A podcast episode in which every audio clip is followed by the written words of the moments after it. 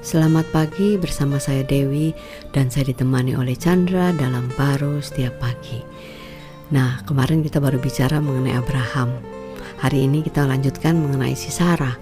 Sarah juga melihat kondisinya sih nggak mungkin dia bisa punya anak kan. Mungkin kadang-kadang kita mengalami juga hal yang demikian. Udah udah jalan buntu lah gitu, nggak bisa lagi, mustahil. Tapi kejadian 18 ayat 14 dikatakan, adakah sesuatu apa pun yang mustahil untuk Tuhan? Pada waktu yang telah ditetapkan itu, tahun depan aku akan kembali mendapatkan engkau.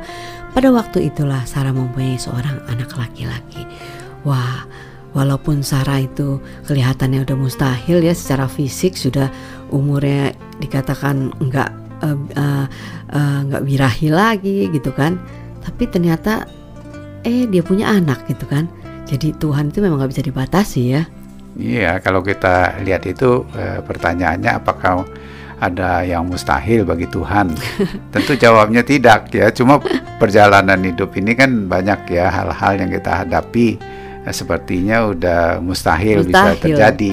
Benar kalau kita nanya ke kita mustahil, tapi kalau buat Tuhan kan nggak mungkin uh, mustahil. Tapi sekarang kita ini loh gimana loh? Iya, itu kan maka itu ada dorongan-dorongan ya. Hmm. Hidup ini sebenarnya sudah mustahil ya Uh, untuk bisa dijalani dan dipenuhi keinginan-keinginannya ya kan dengan segala usahanya tapi didorong terus kamu harus bisa uh, uh, menjalani hidup yang uh, sekalipun mustahil kamu kalau berusaha pasti bisa gitu ya, kan nah, itu seperti itu ya umumnya ya iya itu menyemangati ya kadang-kadang bisa kadang-kadang enggak tapi yang jelas lelah itu ada ujungnya tuntutan. bisa frustrasi kalau itu oh ya karena terbatasan hidup kita ya mm -hmm. maka itu sebenarnya bagi Tuhan itu tidak mustahil kan. Mm-hmm. Tapi Tuhan ingin kita pun mengalami kemustahilan Tuhan itu di dalam hidup kita. Wow. Maka itu dia datang sebagai uh, manusia menebusnya di dalam Kristus Yesus sehingga kita bisa menyatu dengan kehidupan dia ya, mm. diberikan hidup dia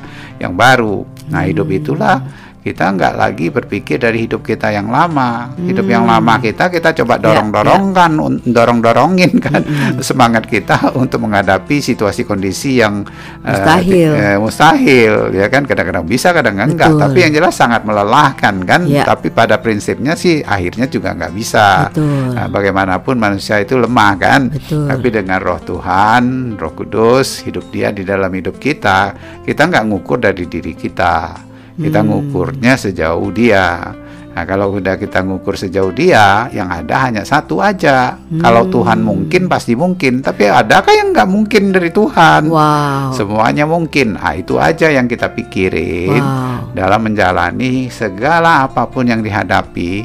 Ya, bukan susahnya untuk kita mendapatkan penyelesaian apa yang kita inginkan, kan? Hmm. Tapi sebenarnya pikiran kita kepada Dia dengan Dia uh, begitu dekat dalam hidup kita, itulah yang membuat hal-hal itu yang kita pikir susah itu sudah nggak susah lagi.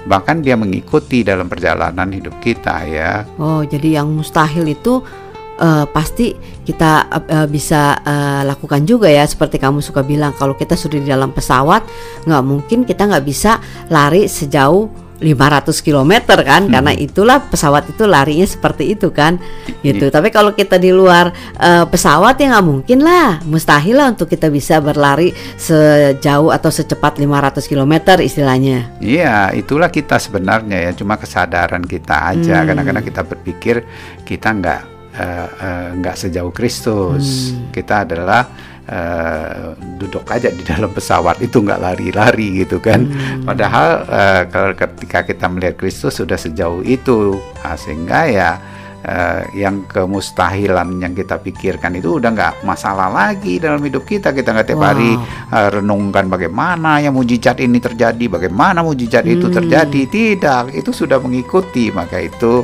tanda-tanda mujizat itu mengikuti orang-orang yang percaya di dalam perjalanan hidup dia karena Amin. hidup Tuhan itu adalah hidup mujizat bagi manusia ya. Amin. Amin.